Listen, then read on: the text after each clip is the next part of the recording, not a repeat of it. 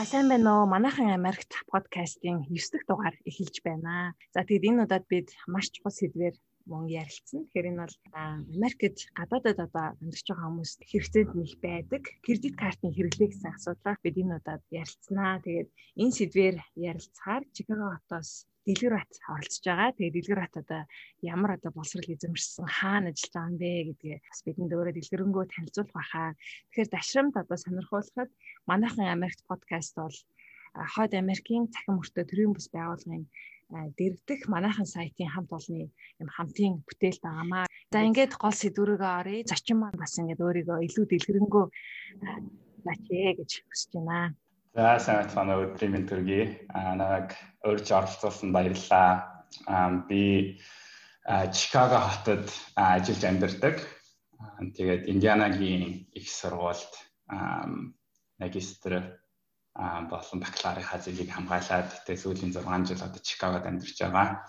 Тэгээд Чикагод болохоор би KPMG гэдэг компанид стратегийн багт директор буюу удирдах ажилтан хийгээд явдаг. Тэгээ ерөнхийдөө бол одоо Америкийн дунд болон дундаас одоо тэр дэш талын тийм компаниудад стратеги болон одоо бие биенийг худалдаж авч зарахт нь стратеги санхүү үйл ажиллагааныхын талаар зөвлөгөө өгдөг.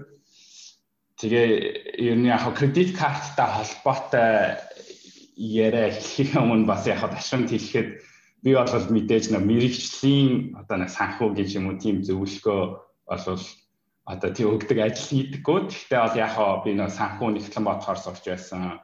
Тэг яг нэг консалтант юм уу одоо нэг зөвлөгөө өгөхлөөр бас их олон газар руу явж ажиллахдаа бас мэдээж кредит карт ашиглах их э, одоо ажлын талаар юм уу эсвэл хуваараа их тийм боломж гарч ирсэн. Тэгээ тэрнтэй холбоотой бас нийлээг судалгаа хийж явж ирсэн. Тэгээ бас ажиллаж байгаа компаниудтай бас ялангуяа банкнаас зээл авах талаар ч юм уу бас заримдаа зөвлөгөө өгдөг. Тэгээ одоо ер нь ярих сэдвүүд юм уу одоо юмнууд бол одоо миний хувийн хөвчлийн миний одоо хувийн туршлагатай холбоотой байх болно гэж бас хэлмээр байна. За маш их баярлалаа. Гэтэ дэлгэр хата би чамайг сонсч ирсэн кредит карттай холбоотой түүний хэрэглээтэй холбоотой номыг бас орчуулж монгол хэл дээр тий гаргах юм ажлыг хийж исэн гэж би сонсч ирсэн. Ном орчуулна гэж чинь чи тэр талаар маш их одоо орчуулж авах явцдаа нэмийг суралцсан судлан гэсэн үг шүү дээ тий. Тий яг бидний орчуулж ирсэн ном бол ерөнхийдөө нэг сэтгэл судлал сэтгэл зүйтэй холбоотой ном байсан. Гэхдээ яг дотроо мэдээж одоо юуны одоо санхүү ч юм уу тэгээ одоо нэг сахилга батч юм уу тийм сэтгэлтэй холбоотой ер нь их олон судалгаануудыг орчуулж ирсэн. Тэгээ бол яг яг ном нь болохоор ерөнхийдөө сэтгэл судлал сэтгэл зүйтэй холбоотой ном. Тэгээ тэрэн дотроо болоод мэдээж одоо нэг санхүүтэй холбоотой бүлэгнүүд байсан санхүү сэтгэл хоёр яалтч юу бас холбоотой юм шиг байгаа юм л да тий. Яг тэгэл хүн бас ингээд маш их хэмжээний одоо санхүүгийн дарамттай өөртөө байх нь хүний хэвийн одоо сэтгэл санааны байдал бас ихээр нөлөөлдөг. Тэгээ тэр байтугай би сайхны нэг судалгаанаас харж ирсэн л да гэр бүл саллалтын одоо топ 10 шалтгаан гэдэг ингээд 1 2 3 4 гэж ихтаацсан байгаа байхгүй. Тэн дээр яг хамгийн нэгдүгээрт нь мэдээж нөгөө хууралттай гэр бүлдээ үнэнч байх гэдэг асуудал саллалтын нэгдүгээр шалтгаан болдго юм билэ. Тэгээд хоёрдугаарт нь санхүүгийн асуудал гарч ирж ирсэн байхгүй шалтгаануудыг дараалуулсан байсан. Тэн дээр санхүү гэдэг ямар том байр суурь эзэлтэн бэ те санхүүгийн асуудлаас болж гэр бүл хүртэл салдаг.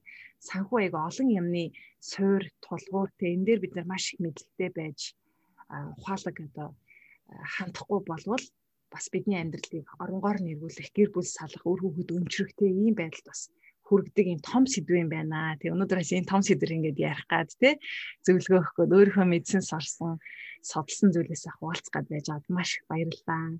Тэгээ тэр ямар нэртэй ном байсан бэ? Монгол хэлээр орчуулсан гэд тий. Тийм тэр predictably rational гэдэг өдрөө орчуулахдаа бодлогогүй сонголтын сэтгэхүйн нууц гэдэг. Аха. Ерөнхийдөө одоо хүн одоо өдөр тутмаа одоо юм хийхдээ одоо бүх юмыг одоо 100% удирддаг гэж боддог. Гэхдээ одоо яг тэрийг ингээд судлаад үзэнгүүт ерөнхийдөө баг 80-аас 90% нь болохоор ерөнхийдөө хүн бодлохгүй л тэгэл хийгээл яваад ддэг тийм. Яг тэрийг ингээд зөв ойлгоод тэг яг яг буруу зөрүү хийж байгаа хэсэг байх юм бол тэрийг одоо яаж сайжруулж болох вэ гэх юм. Одоо тэр талаар одоо амар их судалгаа хийгээд тэг хүн одоо яаж ингэ яагаад ингэж боддгийг бэ тэг одоо энийг өөрчлөхийг бол яад юм бэ гэсэн тийм одоо сэтгэл зүй сэтгэл зүй судалгаатай холбоотой тийм ном байсан. Ariely гээд одоо нэг Duke сургуульд их олон тийм сэтгэл зүй талаар судалгаа хийдэг тийм хүний бичсэн ном. За тэгэхээр хоёлаа яг а кредит карт гэж юу юм бэ? гэдэг ойлголтоос эхлэе те. Бидний хувьд бол миний хувьд бол одоо Америкт ирээл юм кредит карт гэж юм юм байд юм байна. Яг кредит гэдэг ингээд них гоё сонсогдоод байгаа боловч эн чинь зээлийн карт шүү дээ те. Зээл авч яана л гэсэн үг. Тэгээд кредит карт гэж юу юм бэ? Маш өргөн хэрэгэлдэг болсон байгаа. Тэгээ энэ одоо ихний ойлголтоос хоёлаа яриагаа эхлээд явъя. Тий яг хөө кредит карт одоо яг нөө түүхийн судлаад үзэх юм бол ерөнхийдөө яг 1950-аас 60 оны үед л эхэлсэн байт юм байлаа. Тэгэхээр ч одоо яг хаа 45 оноос нөгөө дайн дуусаад тэгээд яг 50 оноос нэг нэг John Dickens гэж Нью-Йоркт байдаг хүн анх эхлүүлж ирсэн. Тэр нь болохоор ерөнхийдөө одоо тэр Нью-Йоркт амьдардаг тэр хэдэн банк болон одоо тэр борлуулагчдаасаа одоо нэг charge гэдэг картаар та одоо юу худалдаа хийж болно. Гэхдээ та тэрийг одоо сар эц төлөх ёстой гэж явдаг байсан. Тэгж яа тэрний дараа нь Diners Club гэдэг одоо э, хүмүүсүүдээс сонсч ирсэн. Одоо манай ажлын карт Diners Club байсан саяхнаас. Гэхдээ тэр Diners Club болохоор тэр анхны бас яг тэр юуны одоо өргөнөөр хэрэглэгддэг тийм кредит картыг гаргаж авч ирсэн. Гэхдээ одоо тэр анхны картууд нь болохоор ерөнхийдөө та одоо юм худалдаж авсан бол сарын эцэс та тэрийг 100% төлөх ёстой гэж явдаг байсан. Тэгээ ерөнхийдөө 60 оноос эхлээд одоо банкнууд юу одоо хүн юм худалдаж авчаад тэрийг заавал сарын эцэст балансаар төлөхгүйгээр балансаа цаашаагаа ингээ үргэлжлүүлээд нэмээд нэмээд явж болоод тэгээ тэрнээсээ илүү их мөнгө ашиг хийж болох юм байна гэдэг тийм юунд хүрсэн баг шиг байна. Гэхдээ ерөнхийдөө яг тэгээ бодоод үзэх юм бол одоо нэг 60-аас 70 жилийн тийм настай тийм одоо санхүүгийн бүтээгдэхүүн байгаа байхгүй юу. Тэгээ тэр одоо 50-аас 60 жилийн дотор 60-аас 70 жилийн дотор болохоор одоо яг тэр Америкийн нийгэм юм уу одоо санхүүгийн систем их том шат болсон. Яг гэвэл одоо яг аваад үзэн чинь бараг 400 сая тэрбум долларын одоо өртөө гэж байгаа байхгүй Америкийн одоо хэрэглэгчд. Тэгээд тэр кредит карттай ч бас яг холбоотой юугаар одоо кредит картаа аваад хэрэглээ явах юм бол бас тэрүүгээр нэг кредит оноог нь тооцдог. Тэр кредит оноо ч болохоор ерөнхийдөө энэ хэрэглэгч хэр сайн одоо зээл авахч байна гэдгийг судалдаг.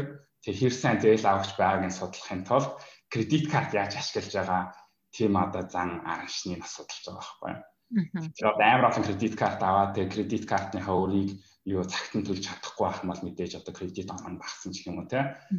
Тэгээ одоо тэрүүгээр одоо охин одоо хэрэглэгч ирээдүйд миний зээлийг авчаад одоо надад төлөхгүй байна уу гэдгийг одоо тийм тийм судалгаа гаргаж ирэх юм уу те. Тэгээ бодоод үзэнгүүт яг 60-аас 70 жилийн дотор одоо кредит карт одоо яг энэ юуны ялангуяа хэрэглэгчдийн санхүүгийн систем их том одоо хэсэг болсон. Тэгээ ерөнхийдөө одоо кредит карт гэдэг чинь бол одоо та юу зээлэр юм хөдөлж авна. Тэгээд одоо та юу чинь одоо кредит картны тэр сарын эцснээс та 28-аас 31 хоногийн дотор тэрийг төлөх ёстой. Тэрийг төлж чадахгүй бол төлж чадахгүй хэсэгт нь одоо хүү тагтаад явна гэдэг тийм л одоо ойлголт байгаа. Их ашигтай одоо би банкны талаас аваад байгаа их ашигтай юу л да. А одоо ерөнхийдөө нөө APR юм уу сарынх нь хүүн, жилийнх нь хүүн болохоор одоо ийм дунджаар бараг 20% байгаа байхгүй. Тэгэхээр одоо ялангуяа одоогийн одоо нэг банкны зээлийн үед болохоор ерөнхийдөө одоо банкны зээл авахд чинь хүү илүү бага болсон Тэгээ одоо банкны талаас хаваад хараад үзэнгүүт чи одоо хичнээн яг мэдээж одоо 100 хүн авлаа гэхэд 2 нь төлөхгүй байлаа гэж бодъё те 2 нь төлөхгүй 10 нь одоо яг цагтаа төлөөд ямар ч тийм шимтгэл төлөхгүй яваад байдаг. Тэгэхээр бараг 80 нь болохоор юу бүгднгийн одоо цагтаа төлж чадахгүй. Тэгээ сар болгон одоо тэр хүүний шимтгэл юм уу эсвэл одоо цагтаа төлж чадахгүй бол тэр банк чинь бас одоо хоцорч төлсний дахиад шимтгэл аавна. Тэгээд одоо бүх бүх юмаа хавцарч төсний шимтгэл авахгүй яваад байлаа ч гэсэн одоо тэр үйлчлүүлэгчээс хэрэглэгчдээс одоо жилийн 20% хүү авна гэдэг бол банкны талаас аваад үзэнгүүт одоо маш өндөр ашигтай байгаа байхгүй. Гэтэ одоо 100 хүний одоо 5 төлөхгүй байлаа ч гэсэн одоо банкны талаас бол яг ашигтай явдаг. Тим одоо бүтээгдэхүүн бол гэж яа тийм шүү. Банкнаас гадна бас энэ дэлгүүрүүд кредит карт өгдөг тий. Та манай одоо кредит картанд өнөөдөр юу яач сайн хийгээч тэгээд авж байгаа бараагаа 20% хямруулад аваач гэж ингэдэг. Тэгэхээр тэр банкнаас гарч байгаа кредит карт дэлгүүрүүдийн тэр өгж байгаа кредит картны хооронд нь ялгаа байх уу? Ер нь том ялгаа бол миний бодлоор байхгүй бах. Гэхдээ яг одоо дэлгүүрийн талаас хараад үзэнгүүт чинь дэлгүүр бол мэдээж өөр банктай хамт ажиллаж тэр одоо бүтээгдэхүүн гаргадаг. Гэхдээ одоо Macy's-ийн кредит карт авлаа гэхэд одоо Macy's-ийн цаана а одоо Bank of America юм уу одоо өөр банк байх ч юм уу те яг Macy's брэндтэй тэгээд картын харангуут чи одоо Mastercard юм уу одоо тэр Visa-ны team системээр явж байдаг.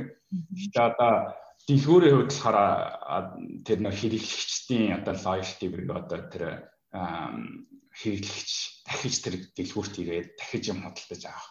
Тэгээ тэр нь ашигтай болдог. Гэхдээ бас яг тэр юу одоо дэлгүүр тэр хамт ажиллаж байгаа банкнасаа бас одоо тэр хэрэглэгчд оруулж ирснээсээ бас хувь авдаг баха гэж би боддог. Тэгэхээр одоо хамгийн банк байна гэсэн үг юм.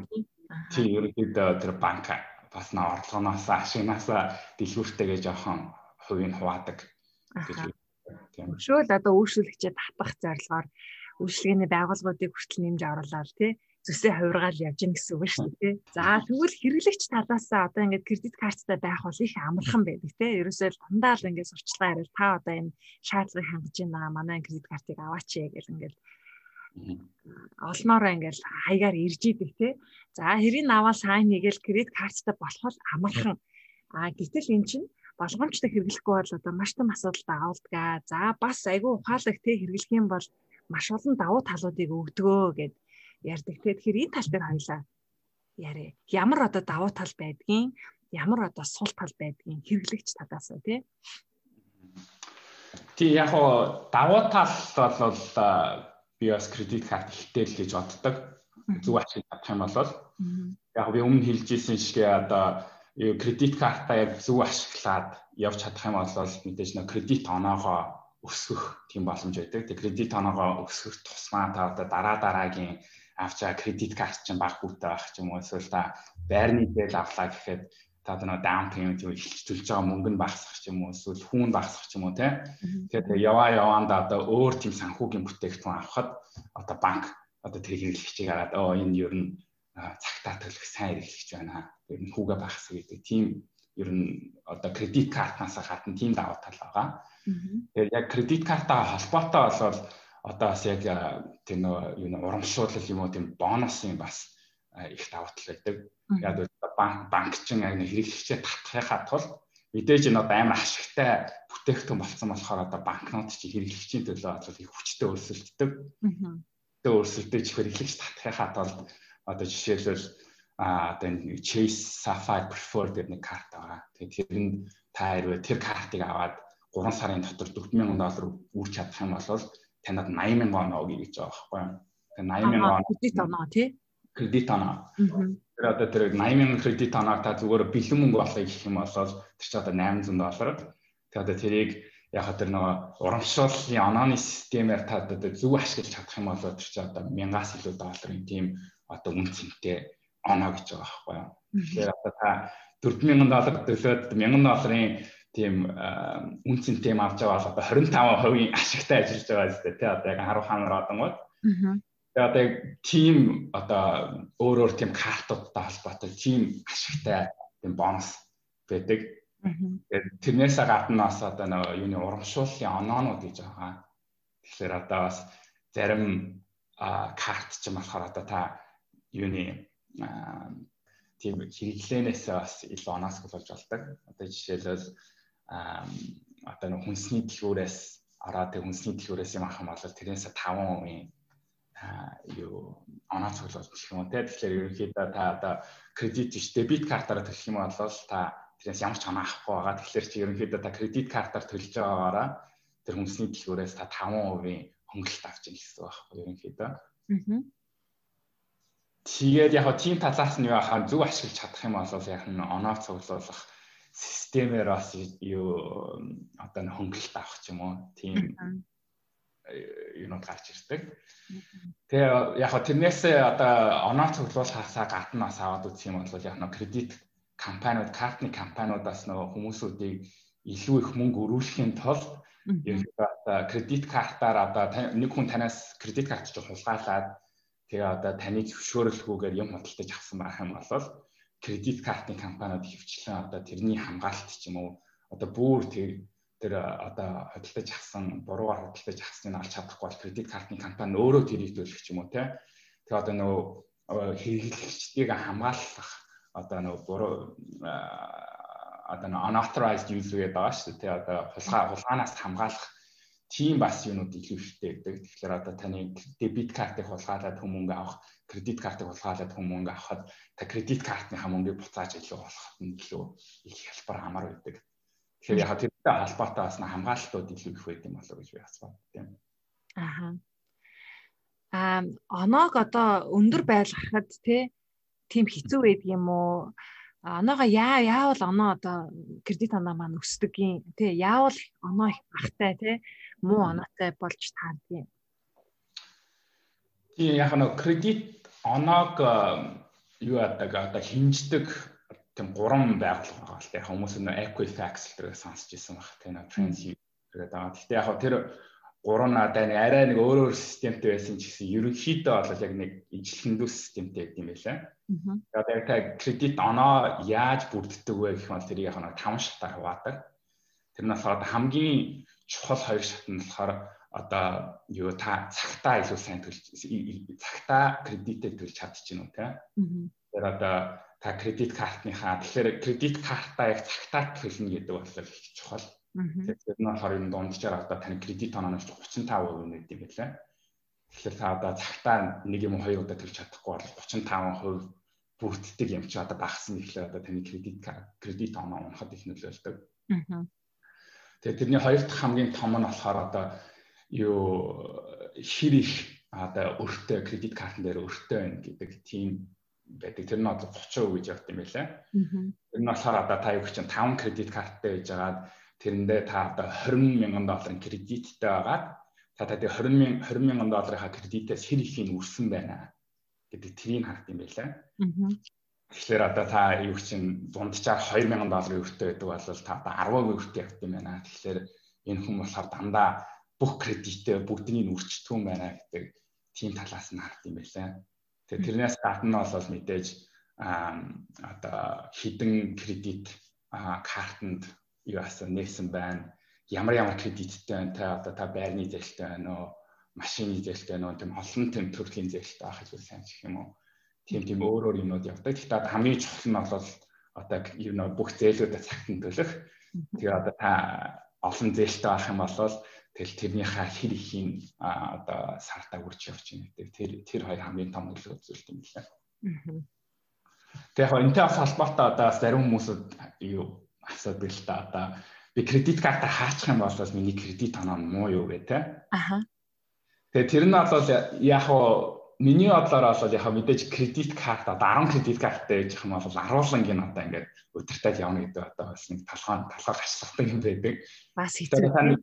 Чи кредит карта хаалаа гэд тэгээ яагаад кредит карт чи буруугаар нөлөөлтөө вэ гэвэл одоо та тэр 20 мянган долларын би хоёрт хэлсэндээ 20 мянган долларын кредиттэй хийж байгаа тэрний 2 мянган өгсөн байна гэх тээ. Аа. Хэрэглэдүү кредит карта хаачих юм бол одоо тэр нь одоо 3 мянган долларын лимиттэйсэн бол 20 мянга чинь 17 мянга болчихж байгаа байхгүй?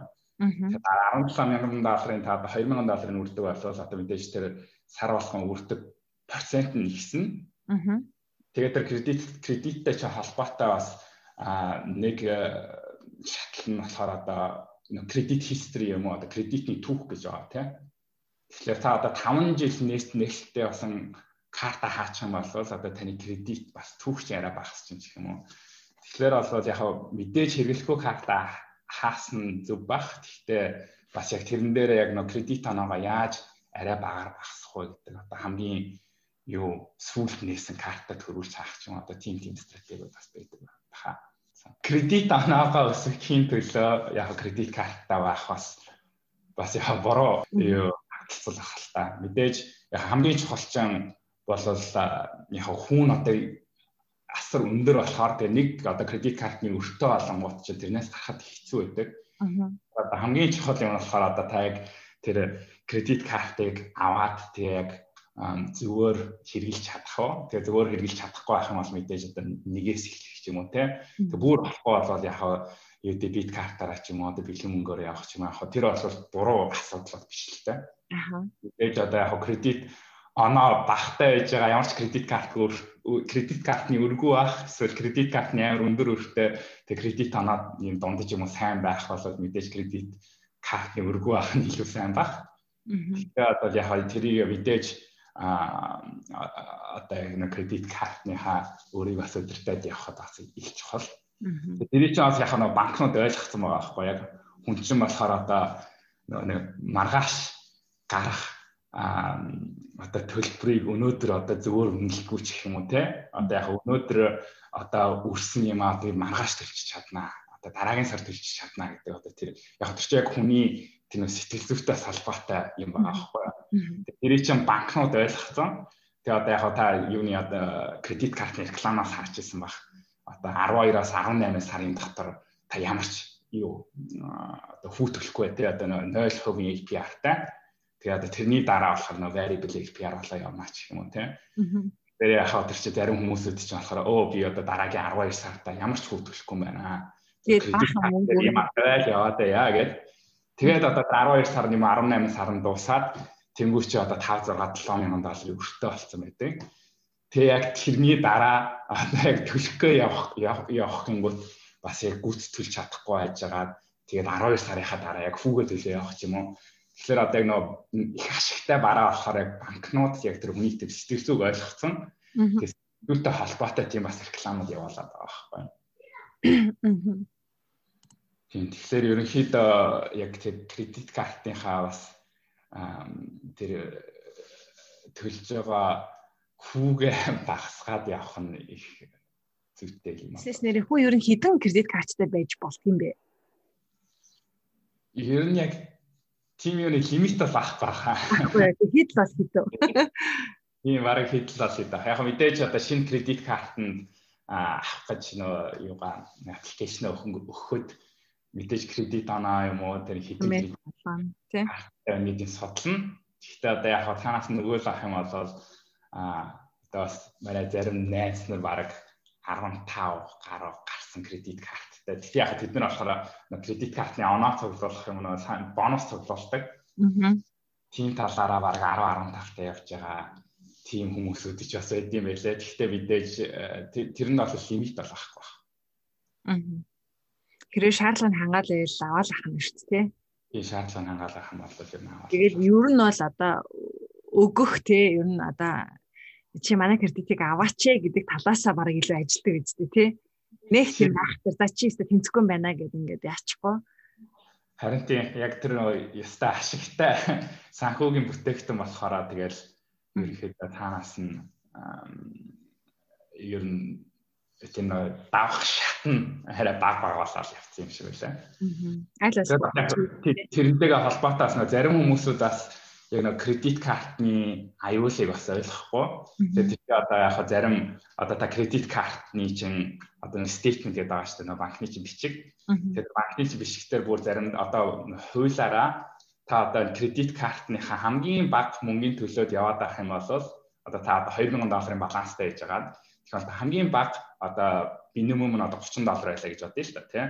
Тэгэхээр та сар болгон 30 доллараар төлөө явах юм бол та хэдэн жилийн дараа энэ 2000 доллараар төлж дуусгах вэ гэдэг тийм одоо тийм юу тооцоо тий. Тооцоо баг хуулиас нь цаанаас нь өгсөн. Тэр яад бол тэр чи одоо жирийн хэрэглэгч тэр одоо хамгийн бага мөнгө төлөө яваад ах юм бол хэр бодог хэр их интерест юу хүүтгөх хэр удаж төлөхөө ойлгохгүй.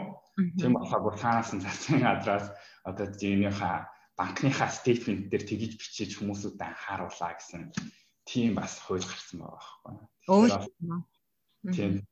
Тэгэхээр бол яг тэр юу одоо юу юу гэж нэг бол миний ойлголтоор бол яг нэг жирийн хэрэглэгч бас тэр кредит картны ялангуяа тэр хүү тэгээд нөгөө юуны банкны тэр минимум хамгийн бага балансын төлөөд явахын тэр аюулыг бас гүйцэд ойлгохгүй тэгвэл санхан засгийн газраас нь ойлгохгүй болоод энийг уншаад ойлгоорой гэсэн тийм талаас нь бас тийм сэрэмжлүүлэгч юм уу тийм өгсөн.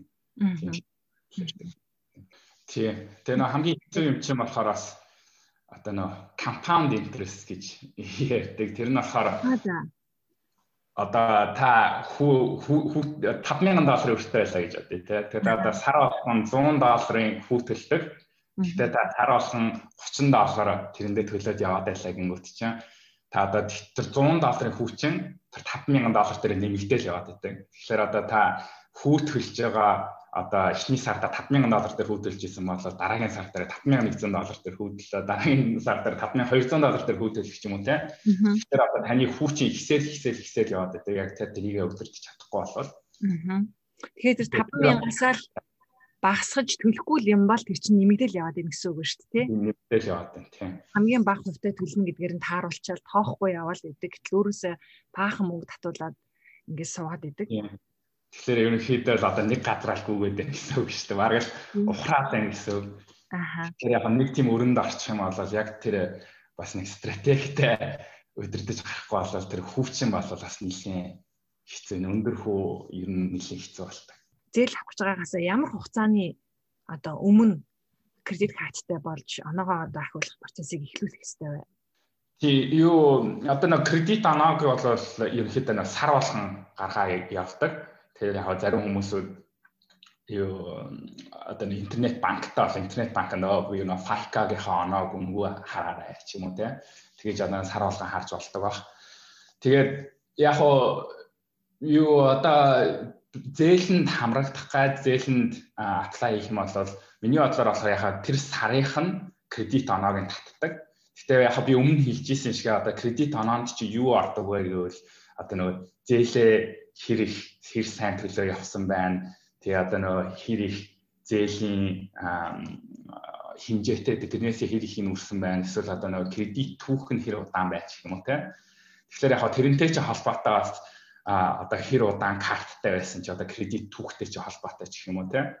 Тэгэхээр одоо юу гэж би одоо дараа сар зээл авнаа. Тийм болохоор одоо энэ сар кредит хоёр кредит карт нэгээд миний юуны зээлийн оноо ихсчнэ гэсэн тийм бол асуудал авч явах хэцүү байдаг баг. Гэтэ миний бодлоор бол ерөнхийдөө одоо юу гэж дараа жилдээ зээл байрны зээл авнаа кредит оноо жоох ихсэе гэх юм бол одоо нэг 12 сарын өмнөөс ч юм уу те а 18 сарын өмнөөс ч юм уу яг кредит карт ганц хоёр кредит карт аваад яг тэрийг зүгээр ашиглаад явах юм бол дээрэж магадгүй л гэж боддог.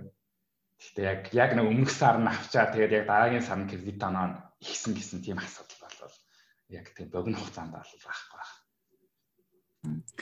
Тэгэхээр дор хаяж нэг жилийн өмнөөс те карт хэрэгэлдэг байгаад түүхтэй байгаад а тэгээд яг хугацаандаа төлөөд те бага хэмжээнд хэрэглээд хугацаандаа төлөөд ингээд явхад бол хөөрхөн кредит оноотой болоо зээл боломжийн хүүтэй авчихын нөхцөл бүртгэн байна тийм үү? Тэгж ялгаж болох тий. Тэгээ яг бас одоо ганц хоёр кредит карттай байж байгаад тэрэндээ ямар ч одоо мөнгө өрөхгүй ч юм уу. Эсвэл одоо нэг сарын 50 доллар үрээд ч аваад ах юм уу. Тэгэхээр 50 доллар үрээд 5 доллараар төлөөл. Тийм үчин та одоо дандаа цагтаа төлөө явт юм байна. Тэгэхээр кредит түүх нь хурд байд юм ач юм уу тий. Тэгээд яг би зүгээр ашиглаж болно гэх юм бол яг ганц хоёр кредит карттай тэгээд сар болгоно жоохон жоохон мөнгө тавиад тэгээд кредит картны яг төлөх юу хитрхи хөртөө олон гэсэн рисктэй байна гэж бодох юм бол бас тэгж явж болно гэж боддог. Аа Тэгэх юм бол яг яг нэг зээл авах шаттай үрээд ирэх юм бол яг кредит түүх урттай тэгээд цагтаа төлөө яваад байсан. Тэгээд нэг сайн зээл авах юм байна гэсэн тийм оноо бас нэг өндрөөр яваад байд юм боддоо шүү. За эсвэгээр зорилгоо биелүүлчлээ. Зээл авчлаа тий. Машиныхаа зээлийг авчлаа. Машинхаа зээлийг авчлаа. Одоо дахиад нэг том зээлийн хэрэг байхгүй. Кредит онооны хэрэг байхгүй. Болонгууд картуудаа хаачих болох? Картада тий картада хизээш хааж болно. Тэгээд яг одоо бас нөө сүүлийн үед нөө юуны байрны зээл бас багасаад тийм одоо нөө refinance юм одоо байр юунаас банкнаас дахиж зээл аваад байгаа. бас яг одоогийн яг юуны байрны зээлийн хүү хүүний үед болохоор одоо 3-аас бага хувь байгаа шүү дээ. Тэгэхээр би баг тэрнээс баг 2-аас бага хувь бол болохгүй баг. Гэхдээ одоо ер нь юу чи одоо юуны байрны зээлийн хувь 5% байж байгаа. Тэгээ одоо жилийн дараа 3% болсон болол бас дахиж refinance хийх юм одоо юуныхаа байрныхаа хүүг багасгах тийм юугаар одоо банкны бас процессыг явах одоо үйлдэл гардаг. Тэгэхээр яг тийм үед болохоор мэдээж дахиад нөө кредит авах хэрэгтэй. Гэхдээ одоо яг юуны одоогийн яг юу бас баг хувийн байрны зээлийн хүүтэй байх үед тэгээд одоо байрныхаа зээлийг авчлаа. Тэгээд надад дахиж юу ирэх хэрэггүй гэх юм бол бас яг кредит карт хааж явж болох байна. Тэг яг кредит картн дээр ерөөсөө юу өрөхгүй мөнгө өрөхгүй яваал ах юм бол тэгэл яваал байна.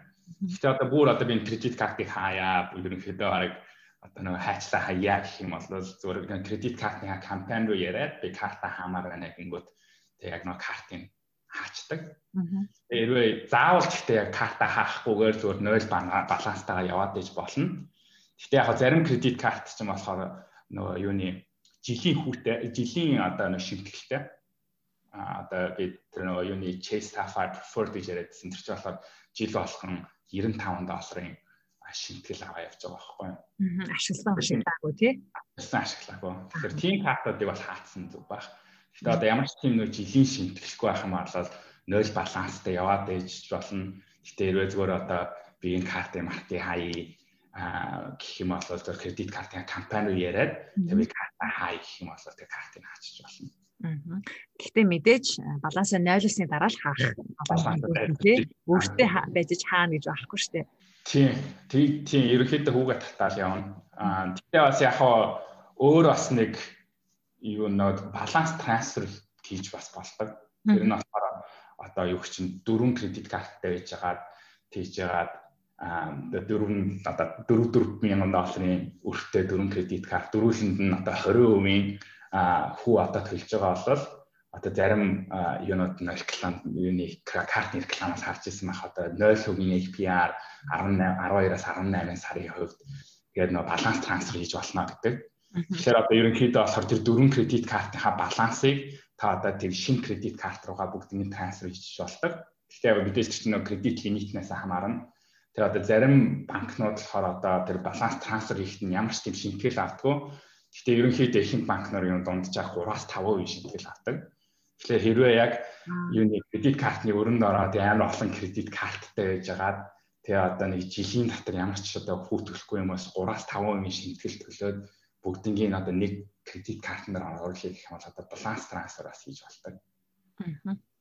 Тэгэхээр тэр бол бас яг нэг богино хугацааны бас стратеги гэж болох юм. Тэгээ мэдээж тэгэл тэр баланс трансфер хийчээд 12-аас 18 сарын дотроо тэр балансаа дуусгаж чадахгүй бол мэдээж л тэрнийхаа дараа дахиад хорив. Өөр болно шүү дээ. За тэгвэл одоо хоёлаа нэг хоёр асуудал ярих үлдчихэд байна. Нэгдүгээрт нь болохоор айгу сайн хэрэглэгч те айгу зөв одоо ингээд хэрэглээтэй байх тийм нууцыг одоо зааж өгөөч те. За ийм байх юм бол нэг ийм хэмжээнд дүрээд энийг ингээд төлөөд ингээд явах юм бол ер нь дажгүй оноо чин ч өсөн те өөртөө нэг тийм айхтар санхүүгийн одоо айхтар хүнд дарамт одоо учруулахгүй ингээд яваад иж болно. А нөгөө ашигтай талуудаа хэрэглээд байж болно. гэдэг нэг тийм стратегийг яг хэлж өгөөч. Аа. Тийм миний бодлоор бол яг кредит картыг зөв хэрэглээд явна гэхлээр бас яг хүний бас одоо амьдралын хэмнэлтэй бас албатай болоо гэж боддог. Одоо жишээлбэл а одоо би гэр бүлтэй тэг гэр бүлтэй холбоотой одоо юу гэж одоо юуны хүнсний дэлгүүрээс их юм авдаг байх юм бол одоо яг зөв хэрэглээд оноо болон хөнгөлөлтөө зөв ашиглаа яв яг гэх юм бол би мэдээж одоо кредит карт чи зарим кредит карт ч болохоор одоо энэ American Express Blue Card гэдэг байгаа. Тэр нь болохоор одоо хүмүүсийн дэлгүүрээс авсан юмнаас болгоноосоо 6% хөнгөлөлт авах. 6% cashback юм уу одоо буцааж авах гэж байгаа байхгүй юу? Тэгэхээр одоо би юуна хүнсний төлбөрөөс их юм авдаг болоод тэр чинь одоо надад амар ашигтай болчихж байгаа. Тэгээ дээрэс нь нэмээд их олон картууд одоо юуны бензин худалдаж авах юм бол 6% юм уу 3% буцааж авчих юм уу те. Тэр яг нөгөө кредит картыг яг зөв ашиглаад тэгээ яг миний одоо амьдралын одоо хэмнэл нь болохоор одоо би хүнсний дэлгүүрээс их юм авдаг, бензин их авдаг байх юм бол тэгээ тэрнээс илүү их оноо цогл бол илүү их хөнгөлөлт авдаг байх ч юм уу. Эсвэл одоо миний хувьд болохоор би их аялдаг байсан. Тэгэхээр аялахаараа мэдээж одоо зочд бодолт их хонон, гадуур их хоол идэнэ. Тэгэхээр одоо миний хамгийн дуртай карт болохоор одоо гадуур хоол идэнгүүт чинь 3 одоо 1 доллар өрсөн болгоноос 3 оноо авч гэх юм уу. Одоо хотел зочд юм бол тэрнээс 3 оноо 5 оноо авч гэх юм уу те. Тэг яг тэр амьдралын яг тэр хаана илүү их мөнгө үрж байгаа ямар хэмнэлээс хамаарат тэг зөв картаа сонгоод тэр картныхаа тэр урамшууллын програмаар одоо тэр хөнгөлөлтөө аваа явах юм бол их зөв гэж байна.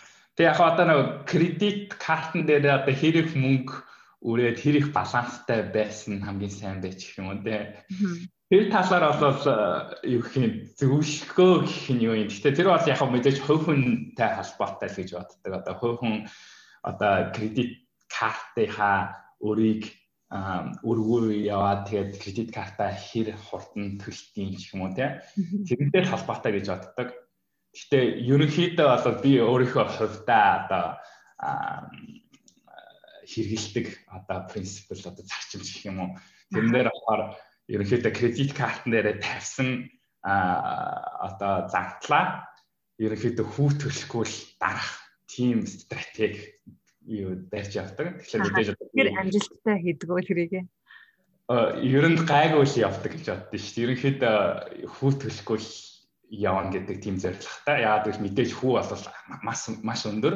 Тэгэхээр одоо миний хувьд болохоор одоо тэр оноо цуглуулах ч юм уу те кредит картаар авч байгаа тэр одоо цаатлын хамгаалалт нь бас илүү чухал гэж боддог. Тэгэхээр болохоор ерөнхийдөө миний кредит карт хэрэглэдгийн миний хувьд болохоор зорилго нь болохоор оноогоо зөв цуглуулад гэхдээ ерөнхийдөө кредит картныхаа өрийг ямар ч юу одоо хүү төлөхгүйгээр сар болгон төлөө явах тийм тийм зорилготой байдаг.